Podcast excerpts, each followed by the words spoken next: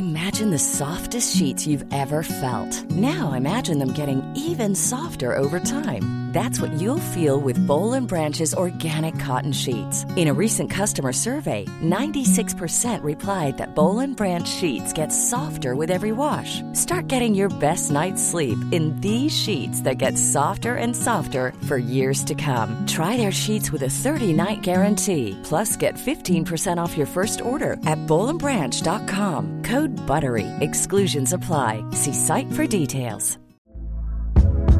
Hey there, it's Michelle Norris. I'm host of a podcast called Your Mama's Kitchen. When I travel, I'm usually looking for a way to find a taste of home when I'm not at home. And one of the things I love to do when I am at home is entertain. And Airbnb allows me to do that. When I was in California recently, I rented a house that had a great kitchen. And when we were sitting around the table, we're all thinking, we're in someone else's house. Someone could be in all of our homes as well. If you have a home, but you're not always at home, you have an Airbnb. Your home might be worth more than you think. Find out how much at airbnb.com/slash host.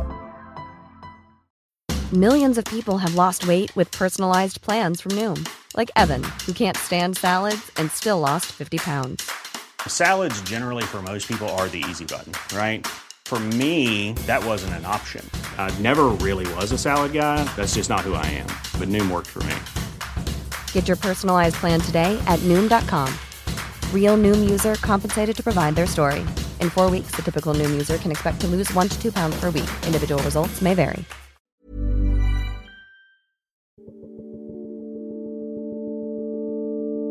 Ska jag ta så? Jag sa mitt hjärta så. Ja. Vad sa du? Jag sa mitt hjärta så. Ja, mitt hjärta slår hela tiden. Ja, det gör det. Det kan gå inte.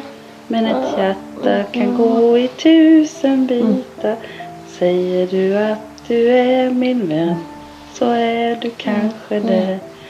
Da, da, da, da, da, da. Allting kan gå i tu. Mitt hjärta kan gå i tusen bitar. Säger du att du är min... Vad var det? Vän så är du kanske det. I februari år 2020 visas ett program i Uppdrag granskning om en ung man vid namn Robin som lider av autism och självskadebeteende. Programmet kretsar kring Robins systers kamp för att få insikt i hur hennes bror behandlas. Hon hävdar att han blir inlåst trots motstånd från både honom själv och henne. Hon kämpar för ett mer värdigt liv för Robin. Men tragiskt nog varar inte detta liv länge. Robin avlider någon gång mellan den 10 och 11 november 2021. Endast 28 år gammal. Då står det att då hör jag Robin där inne. Han pratar mycket om Edina och poliser. Vad händer sen? Sen går jag ut i köket och gör en jättecocktail. Och där förklarar du på samma sätt kring benzo och tramadol. Du lyssnar på Rättegångspodden och på den första av tre delar om dödsängeln. Mitt namn är Nils Bergman.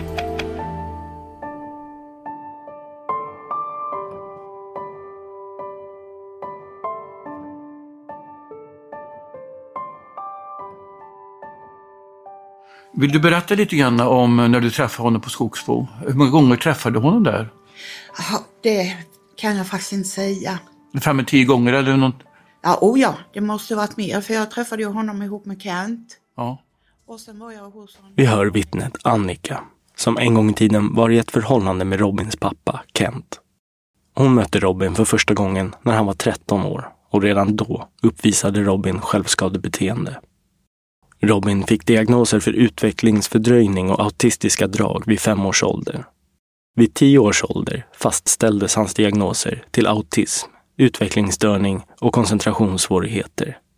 Han började i en särskola och fortsatte där fram till sina sena tonår, då han flyttade till hemkommunen Gnosjö. Där placerades han i ett hus i skogen, känd som Skogsbo, och där bodde han i över sex år. Insynen där var begränsad, men Annika besökte honom ändå där flera gånger. Men på Skogsbo, när du träffade honom där, hur, hur upplevde du honom eh, när du pratade med honom? Gick det att kommunicera med honom? Jaha, visst kunde vi prata. Det kunde vi, visserligen han kunde väl inte, han kunde inte prata några långa meningar men man, han förstod ju vad jag sa och, Mm. och jag frågade honom och vi pratade om minnen ifrån Björsbo han skrattade och tyckte det var roligt. Mm. Robin hinner fylla 26 år i Skogsbo, men hans mentala ålder bedöms till 9-10 år, vilket gör att kommunikationen med honom är speciell. Men Robin är glad när han träffar pappan Kent och Annika. På vilket sätt eh, tilltalar du honom? Som ett barn eller som en vuxen? Nej, nej, nej. Alltså, när jag kom dit då fick man den här kramen av honom och vi gick in och satt oss, eller stod vi och pratade inne vid hans rum och han svarade alltid när man pratade med honom. Och, Mm. och eh, ville alltid ha lite godis och dricka och, Hade han drömmar? förlåt? Hade han drömmar om framtiden? Han kunde väl säga någon gång att han ville bada, han ville hem till farmors hus. Ja, ja. Var han omtänksam? Och han var snäll. Var han. Men han fick ju, ja han var omtänksam. Han, det måste jag berätta, efter pappan dog. Mm. Så säger pojken så här, du ska inte vara själv. Mm. Och jag blev lite förvånad för det hade jag inte väntat mig att han Nej. skulle säga. Hösten 2019 tar en tragisk vändning när Robins pappa blir svårt sjuk i cancer och avlider i januari 2020. Robin och hans pappa hade en nära relation och bortgången påverkar Robin djupt. Nej, sa jag, men att eh, jag vill faktiskt inte träffa någon än. Ja, men du ska inte vara själv, sa han en gång till. Mm. Nej, vi får vänta, vi får se efter jul. Mm. Och så vet jag att det var någon utav personalen som skojade och sa det, att jag får nog bli tomten. Mm. Ja. Men då säger jag så här att, ja men du Robin, du får väl hjälpa mig då Mm. och tala om vem du tycker jag ska träffa. Ja, sa han och skrattade då. Mm. Ja. Så påföljande gång så sa han likadant, du ska inte vara själv. Och då säger jag så ja men du, ja, eh, jag bad ju dig att du skulle tänka efter vem jag skulle träffa. Mm. Har du tänkt på det? Ja, sa han. "Ja. Och vem då? Prästen, sa han. Och jag sa det, ja vi får väl se det du, sa jag. Mm. Och då tänkte jag på att antagligen, för personalen, de övade ju honom för att han skulle kunna vara med på begravningen. Mm. Och då träffade han väl antagligen prästen och tyckte om honom. Mm. Och då tyckte han att han var snäll och honom skulle jag ha. Så att eh, på så vis han väl med i tankarna vad vi pratade om, om man säger så. Robin hade drömmar om framtiden. Ett faktum som kommer att bli en kritisk punkt i det här fallet. Han kunde också föreställa sig andra människors framtid. Han hade helt enkelt sina egna tankar och funderingar kring sig själv och sin omgivning. Ja, vi tyckte verkligen om varandra. Mm. Mycket. Och det, jag låg ju, nu om man säger lite grann tillbaka så då låg jag ju och sov på nätterna jämte honom när pappa jobbade. Mm. Och jag hade inga problem och han var inte han var inte anti mot mig, han var alltid god mot mig. Om man säger så. Hade han självskadebeteende det- den tiden? Han kunde få det ja. Mm. Jajamän. Men skadade han till er? Förlåt? Han skadade till dig eller er? All, eh, ja, Kent hade han ju eh, knockat. Mm. Och tidigare, eh, om man säger så, det hände ju att han, han ville slå huvudet. Mm. Och speciellt speglar gillade han inte. Han var väldigt duktig på att liksom, han, han ville kontro, alltså, kontrollera sitt liv alltså, så att han fick liksom bestämma själv. Vi hör Robins syster Jessica. Hon får veta att Robin skadar sig själv, ibland allvarligt. Men upplever motstånd när hon försöker få mer insyn i hur hennes bror mår och vad som händer. Så hon vänder sig till Uppdrag granskning som börjar undersöka boendet och Robins situation. Och det är en berättelse om en systers livslånga kamp för sin bror. Uppdrag granskning sänder dokumentären Inlåst i skogen i februari 2020. Och dokumentären fokuserar på boendets påstående att Robin självklart har rätt att bestämma över sitt eget liv och när han vill vara utanför bostaden. Men så verkar inte vara fallet. Vad är ett värdigt liv? Vad är ett gott liv som en utredare en gång hoppades på för Robin när han var barn? LSS är en lagstiftning som skrevs utifrån samma grundtanke, rätten att leva och inte bara överleva. Systern Jessicas kamp för Robins rättigheter skildras i intervjuer där hon kämpar för att få Robin ur boendet så att hon själv kan ta över hans omsorg. Vi är jätteförhoppningsfulla att han ska komma hem till Gnosjö kommun och ja, börja sitt vuxna liv. Eh, och han ville inte ha slips utan han skulle ha fluga. Och han ville inte heller ha vit skjorta utan han ville ha med en grönrandig skjorta sig. Eh, och han var så stolt den dagen. Och han åkte sån här lövad eh, traktorsläp eh, med alla sina med de avgångseleverna då. Och granskningen leder till resultat. Robin flyttas från Skogsbo till ett annat boende i Hult i Gislaveds kommun. Och nu har Jessica vårdnaden över Robin. Jessica medger att det nya boendet inte är optimalt. Det tidigare var specialanpassat för Robin och hans självskadebeteende, vilket inte det nya är. Men Jessica, tillsammans med sin sambo Peter, gör det bästa för att anpassa det nya boendet för Robin. Trots detta anser Jessica att flytten var ett stort steg i rätt riktning för Robin, ur ett mentalt hänseende. I och med att han har haft så oerhört hög självskada och, och var mycket svårt traumatiserad av de upplevelserna han hade fått i Gnosjö kommun. Han berättar ju om ja, de sparkat honom och låst in honom och jag upp, fick ju själv bevittna hur man eh, ja, brottade ner honom och släpade in honom på rummet för att han ställde sig upp med en sked. Eh, alltså det... Han var... Han hade led av en fruktansvärd posttraumatisk stress. Så fort han bara... Eh, någon minsta lilla som påminde honom om det som de upplevelserna han hade fått därvid. Och det, det var liksom relaterat även till eh, ja, till, alltså till personerna som jobbade där och även tjänstemän som hotat honom i åratal. Jessica och hennes sambo kan inte sköta om Robin helt själva. Han behöver specialiserad vård. Så det finns också vårdpersonal på plats i boendet som ser till Robin och hjälper honom med hans dagliga rutiner. Jessica hävdar att Robin trivs med det här nya arrangemanget. Allt är bättre än att, som Robin själv uttrycker det, gå bakåt vilket för honom innebär att återvända till det mer isolerade liv han tidigare levde. Han var bara oerhört tydlig med att det får aldrig bli, jag vill aldrig komma bakåt. Det får aldrig bli till Skogsbo eller Trollebo. Mm. Och det, menar, det kan inte bli tydligare. Han, han, han benämner till och med platserna där de har, eh, i alla fall två av de här platserna där de har låst in honom. Mm. Mm. Har han någon gång pratat om framtiden? Har han haft framtidsdrömmar? Ja, då hade vi försökt. Alltså det som sagt. Eh, det är klart att han pratade också om framtiden. Jag menar... Vad, hade, han, vad, hade han någon, vad ville han med framtiden? Ja, han... han eh, ja. Han var mycket att det här... Ja, pandemin skulle släppas och vi skulle kunna åka ut och dansa han skulle träffa en tjej. Och, eh, kunde han säga.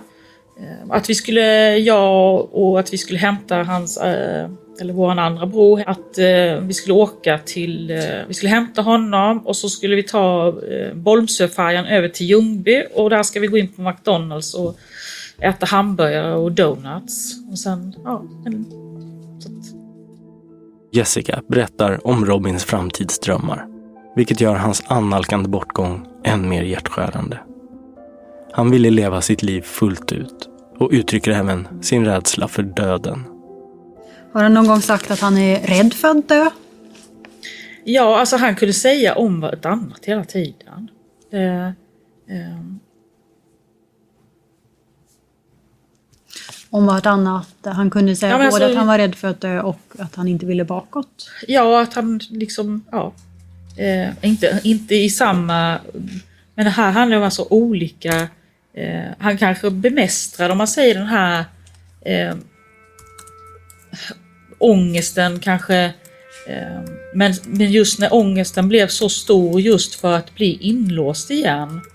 Då, då hade han, då, det, var ju en, det var ju hans största eh, grej. Alltså som han var totalt livrädd för. Just det här spektrat från att må väldigt bra till att må väldigt dåligt, det kunde skifta jättefort. Och det kunde skifta flera gånger per dag också. Vi hör vittnet Emily som var Robins personliga assistent från december 2020 till juli 2021. Under den period Robin var under Jessicas vård i boendet i Hult. Emelies roll var att stötta Robin och assistera honom. Hon berättar att Robin rent fysiskt kunde göra det mesta själv, som att klä på sig och liknande. Hennes arbete kretsade mer kring att stödja honom mentalt. Att uppmuntra honom, men också lugna honom när han blev utåtagerande. I en incident när jag arbetade så på trädgården utanför Robins eh, hus där han bodde fanns det en lyktstolpe som Robin sprang fram och vred ner och sen lyckas eh, få tag på glödlamporna och börja tugga i sig det här glaset från glödlamporna. Um, ja, det finns många, många exempel. Alltså. Mm. Har han sagt någonting eller har du fått någon uppfattning om varför han gjorde de sakerna? Nej, jag tycker det är jättesvårt att svara på. Alltså. Mm. Vi Ja. kan ju bara spekulera och det är ju det vi har gjort i personalen också. Man kan ju inte veta säkert liksom. Det är ingenting han själv har sagt och förklarat varför han gör. Nej, han har nog mer uttryckt det sig som att han inte vet varför han gör det. Ehm, Har du uppfattat att han någon gång försökt ta sitt eget liv? det är också jättesvårt att svara på för att ibland gjorde Robin sig illa väldigt, väldigt mycket. Mm. På ett sätt som skulle kunna riskera hans eget liv. Men medans han gjorde det så upprepade han ofta “jag vill inte dö”. Så han kunde till exempel dunka tinningen i en vägg. Dunka den och sen skrika “jag vill inte dö”. Dunka igen, skrika “jag vill inte dö”. Ehm, så det är frågan om, ska jag då väga in hans ord eller hans handling i min uppfattning av?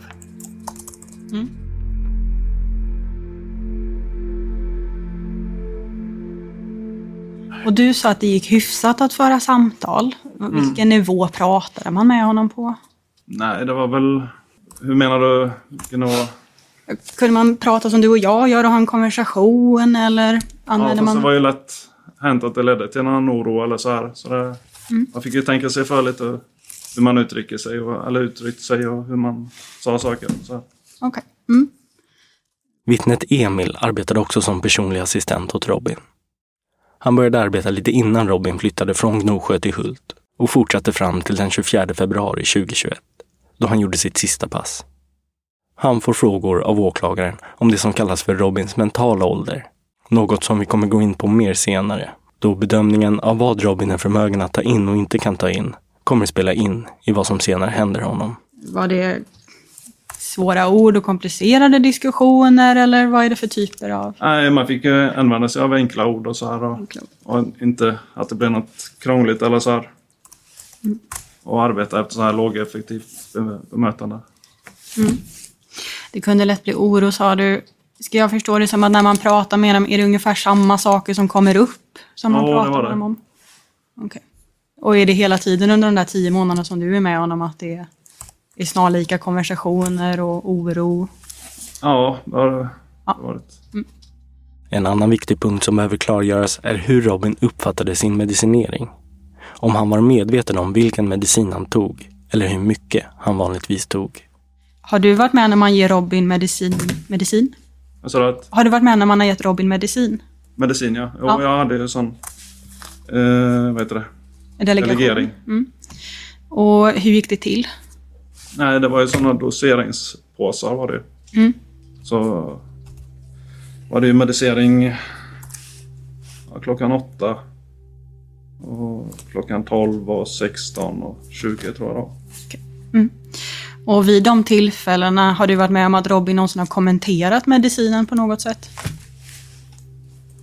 Inte vad jag kan komma ihåg så. Nej. Om det var skillnad i mängden eller färgen eller någonting sånt? Nej, det kan jag inte komma ihåg. Vi hör vittnet och personliga assistenten Enrique, som också brukade hjälpa Robin med medicinering. Eh, Har du varit med och gett honom medicin? Ja, ja, jag Ja. gav dem medicin. Hur gick det till? Vi hade ju en lista om eh, bestämda tider han skulle ha medicin och sen gick man ju till det här. Vi hade ju ett skafferi som var låst och sen i det här skafferiet så var det en annan liten, kan man säga, låda som också var låst och så var ju medicinen där i såna här dospåsar där det stod då vilka, vilken tidpunkt det då, vad det var för medicin och hur många tabletter det skulle vara. Det är rätt noga att man kollar sig. och sånt. Mm. Tog han medicinen själv sen eller hur gick det till? Ja, vi gav, vi gav ju det till honom. Alltså man hade ju medicinen i en sån här liten plastmugg och sen hade man ett glas med vatten eller saft och så gav man det till honom och så tog han det då. Mm. Så fick man ju signera en lista då efter. Och hur, eh, hur verkade han när han tog medicinen? Ja, det var aldrig några problem faktiskt. Det var inte vad jag har varit med om i alla fall. Det var aldrig några problem. Mm. Han tog den alltid. Det var... Har han någon gång kommenterat medicinen eller om det skulle varit någon förändring med medicinen? Nej, det vet jag inte riktigt. Men jag har inte ihåg i så fall. Nej.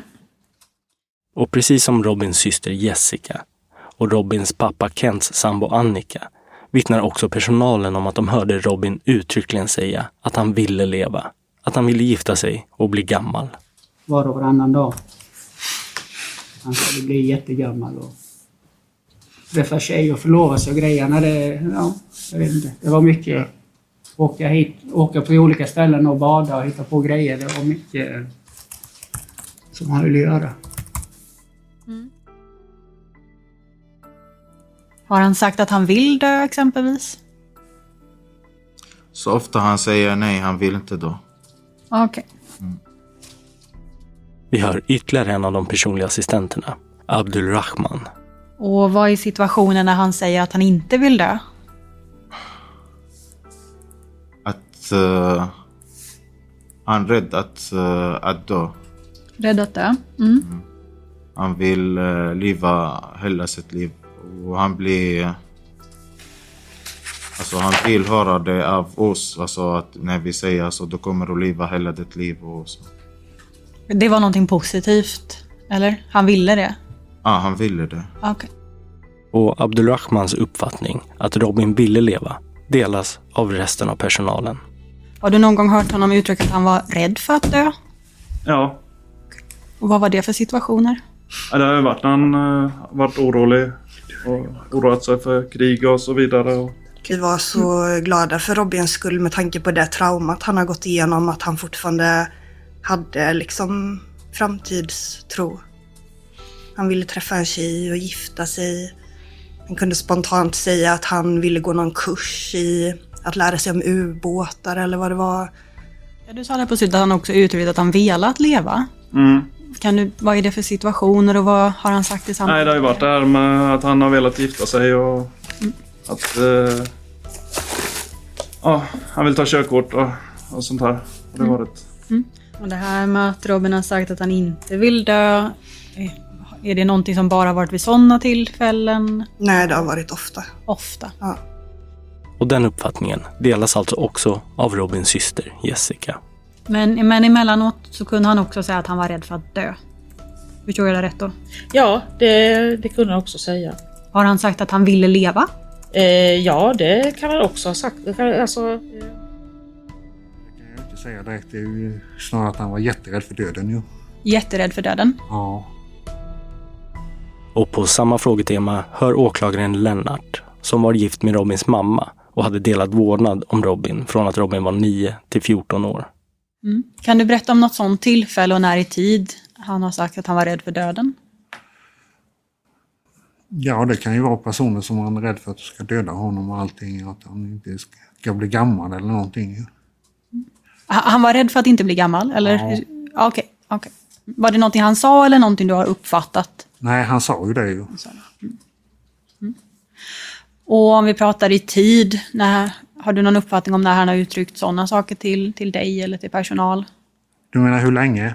Ja, ja, har du någon tidsuppfattning? Är det här i november eller är det när du började 20 eller har det skiftat över Ja, jag tycker ju det blev värre på slutet. Det blev, tycker jag ju.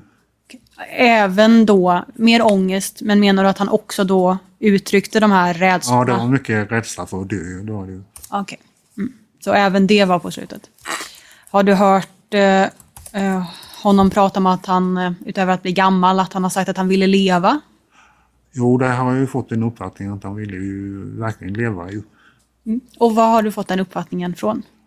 Nej, men det var ju mycket, eh, han sa ju mycket att han var rädd för en död, då vill man ju leva. Mm. Mm. Har han pratat någonting om framtiden eller vad han ville göra med sitt liv när han ändå inte ville bli gammal? Ja, han sa ju att han ville gifta sig, sa han ju. Vill gifta sig. Mm. Ja. Har du någon uppfattning om Robin någonsin försökte ta självmord? Det är min personliga uppfattning, men det kan jag ju inte säga att han har gjort någon gång. Att han, Mm, Ja, nej, och det, och det är precis, det är ju bara utifrån dina egna uppfattningar. nej, det är men min det, egen uppfattning. Det, det kan inte jag säga att han, han ville ta sitt liv någon gång. nej, nej. Men du har inte uppfattat det på det sättet? Nej. Men, eh, det vet jag, jag förstår att det är din uppfattning. Det intressanta med Lennarts vittnesmål är att vi nu börjar röra oss mot frågor som inte bara rör hur Robin mår efter att ha flyttat till Jessica, utan också hur Jessica själv påverkades av situationen. Och vi har förstått att det var lite personalskiften med mera här på slutet. Ja, och det var rätt mycket det. ja. Har du någon uppfattning om hur situationen har påverkat Jessica? Ja, hon fick ju mer att göra då. Liksom, det har nog påverkat mycket, väldigt mycket. Ja. Och jag förstår att det är du själv som uppfattar nu, men, men vad, vad är det du tänker på då? Nej, men hon fick ju göra allting då. Helt plötsligt fanns det ju ingen personal. För de, det var ju väldigt många sjukskrivna då eftersom han hade slagit dem då. Mm. Mm. Och helt plötsligt det var det ju mycket bara Jessica och Peter. Mm. Och bara så att det inte blir någon... Men har du och Jessica pratat om detta eller är det det du, du tänker själv? Ja, men det blev så, i slutet blev det så väldigt intensivt då ju. Och så, hon har ju knappt tid att prata då ju. Hon jobbade ju hela tiden då ju. Mm. Mm. Var det någonting annat som gjorde att det var intensivt på slutet? Ja, jag menar då, då blev det mycket för Jessica och Peter blev det väldigt intensivt för dem. Ja. Med, just med personalen och det, eller var det någonting Ja, annat personalen också? då, ja. Jessica tycks ha svårt att hantera den nya situationen där mycket ansvar vilar på henne och mycket av hennes tid och energi går åt till att ta hand om Robin. Detta tycks bli påfrestande för henne.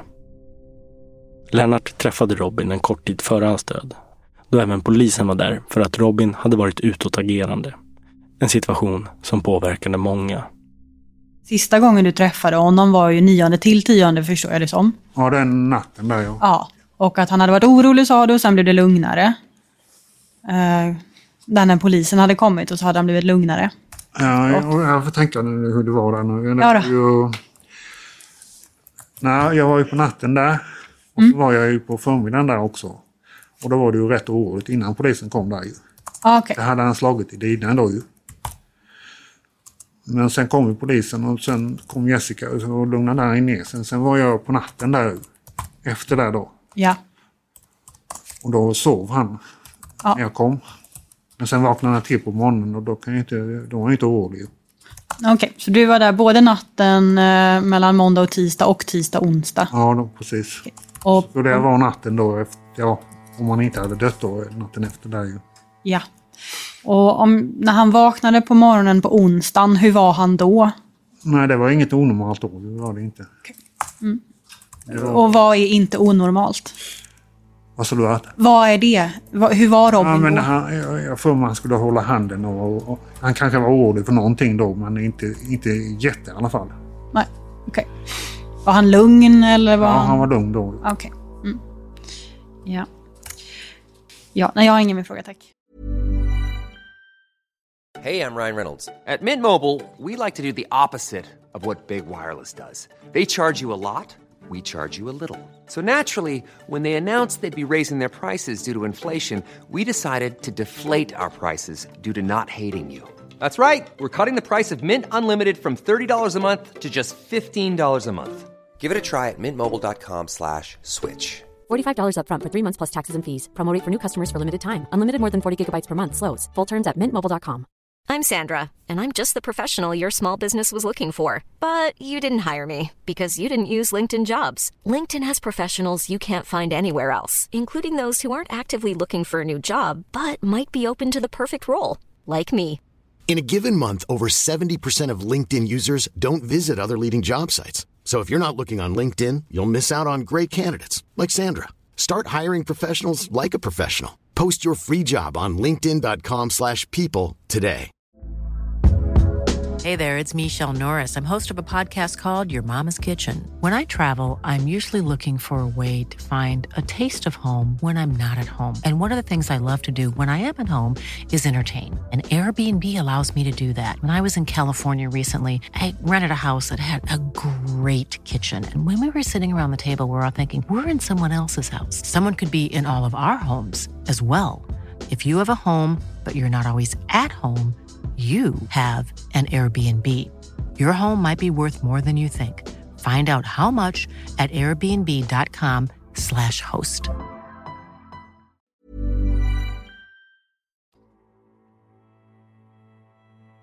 Även Annika berättar om sin relation med Jessica, som hon menar var allt annat än önskvärd. Annika upplever att hennes kontakt med Robin begränsas efter att han flyttas hem till Jessica. Och hon vågar inte ta kontakt med Jessica. Så också upp, upp, uppfattat det att du hade ingen kontakt efter det att han flyttat till Hult, var det så? Nej. Mm. Då, jag, jag kan ställa frågan på ett något annat sätt. Försökte du någon gång... Nej, jag vågade inte. Nej. Jag vet att eh, Jessica har varit anti mot mig hela tiden. Och därför har jag inte vågat. Jag har bara avvaktat för jag har förstått att den här situationen skulle hon aldrig klara. Och det sa jag när jag fick veta det. Det här kommer hon aldrig att klara för hon har inte varit med den tiden när, när Robin har, har, hur ska jag säga, hur ska jag förklara? Hon var med Robin väldigt mycket i uppväxten innan, innan jag kom med i bilden men hon har aldrig kommit och eh, tagit hand om eller, eller när jag har varit med så jag har faktiskt aldrig sett Jessica där ute på campingen till exempel. Men ja, jag vet inte hur jag ska säga. I Uppdrag gransknings reportage benämns det som en livslång kamp som Jessica bedrivit för att få hem Robin. Men det verkar inte riktigt alla skriva under på.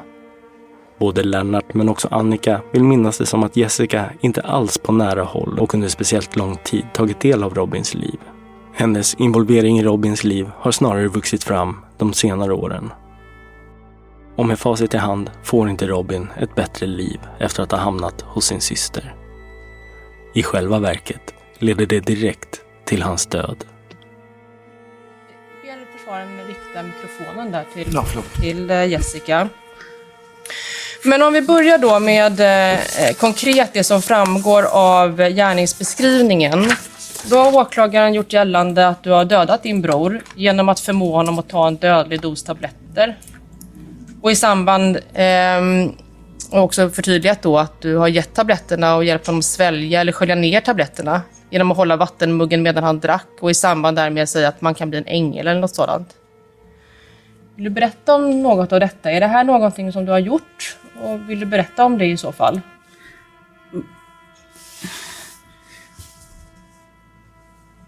Inte som de, de framställer det så.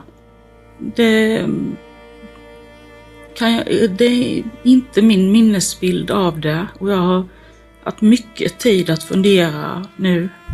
Ehm, Vad är din minnesbild av, av det? Mm. dagarna, eller dagen där var ju väldigt... Eh, Robin var ju väldigt orolig då att, eh, som, att han skulle bli inlåst. Eller som han, han sa inte de orden. Utan han kallade, sa alltid att det får inte bli bakåt. Eh, och den... Eh, de orden för honom var ju att bli inlåst igen då i, som det har varit tidigare då i Gnosjö kommun eh, under sex och ett halvt år. Och även eh, på, institu- eh, på ett eh, ungdomsfängelse eh, satt han inlåst. Så han var ju väldigt, väldigt orolig för eh, att det skulle bli bakåt som han sa det.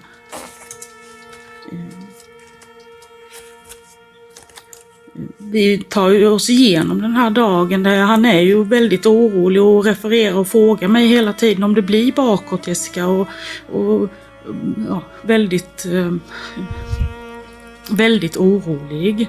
Och jag, han, han refererar till att varför polisen kom och Edina, varför, hon, varför skulle hon inte komma mer? Alltså det, det, det var så mycket, många grejer som hade hänt där som liksom han var, hade vetskap om vad som skulle hända åter igen. Jag kunde ju inte svara honom. Alltså...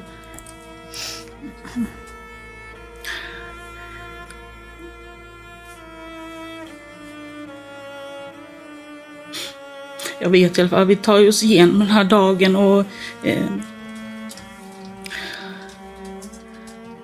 Och han går och lägger sig och allting löper på enligt rutinerna och, ehm, och han, ja, han, säger ju ja, återigen när han ligger i sängen att det blir väl inte bakåt. Och då, då går jag ju ut och eh, hämtar de här tabletterna som jag har haft med mig. Ehm, och ehm, ställe ställer på det här nattusbordet som eh, Robin har gömte sig. Och han ligger på sidan och tittar på mig och så säger jag att om man tar de här ben så blir man en ängel.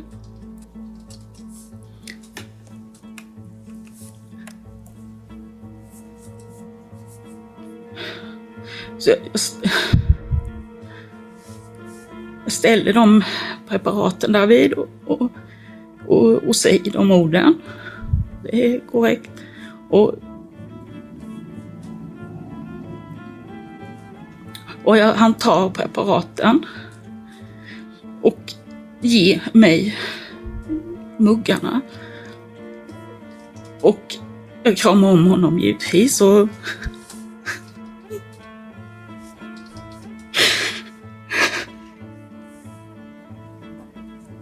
och lägger täcket på och, och, så säger godnatt och så går jag ut. Och sitter i soffan. Och så, jag hör jag tror Robin ropar någonting där inne. Jag, jag vet inte vad jag ska säga, men jag har haft mycket samtal med prästen här inne gällande min och det har liksom mer och mer bara kommit till mig liksom att vad är det han säger? Varför påkallar han mig igen? Och, och jag, han säger mer Jessica, mer. Och då går jag till eh, köket och, och tar ännu mer sådana tramadol. Och den gången så ställde jag, och det bara, ställde jag det också på nattduksbordet. Och jag vände på ryggen, vände och går ut, men jag hinner inte gå två steg. Så vänder jag mig om och då har han redan tagit alla tabletterna. Och jag ser han håller i glaset, men han har inte tagit något vatten. Och då går jag tillbaka och hjälper honom att ge vattnet.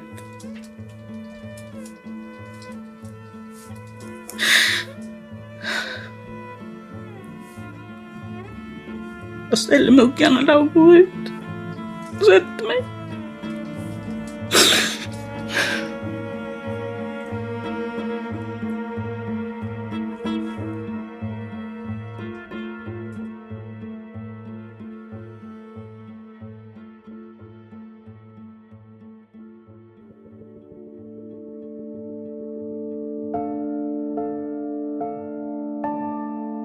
Någon gång mellan den 10 och 11 november 2021 avlider Robin till följd av intag av en dödlig dos tabletter. Och åklagaren Maria Lundberg yrkar på mord med följande gärningsbeskrivning. Jessica har dödat sin bror genom att förmå honom att ta en dödlig dos tabletter. Härigenom har hon gett honom tabletterna samt hjälpt honom svälja eller skölja ner tabletterna genom att hålla vattenmuggen medan han drack och i samband härmed säga att man kan bli en ängel eller något med liknande innebörd. Jessica har härvid otillbörligen utnyttjat att Robin hade en funktionsnedsättning och ligger inom autismspektrat, vilket gör att hans mentala ålder är cirka 9-10 år och därför inte förstod följderna av tablettintaget. Jessica begick gärningen med uppsåt. Hej Jessica. Du sa här när du berättade fritt att du eh, gav honom tabletter som du hade haft med dig. Kan du berätta, vad är det för tabletter som du hade med dig? Ja, det är ju benzoiderna och eh, tramadolen. Och var hade du fått de tabletterna ifrån? Ja, benzoiderna var ju preparat som Robin har haft innan. Eh, eh, och tramadol har jag själv då eftersom jag har en skada i ett ben. Och varför hade du med dig tabletter den 10 november?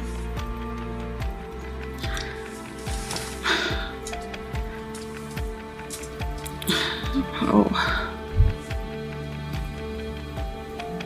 Du har lyssnat på Rättegångspodden och på den första av tre delar om Dödsängen. Mitt namn är Nils Bergman. Ansvarig utgivare Jonas Häger. För att ni lyssnar.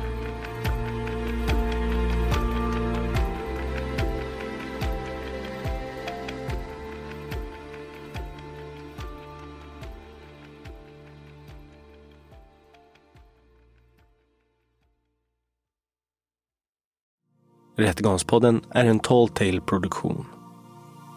Ansvarig utgivare är Jonas Häger. Och Rättegångspodden görs i samarbete med Lexbase. Ange rabattkoden Rättegångspodden när du blir ny betalande medlem på lexbase.se och få tre kostnadsfria domar.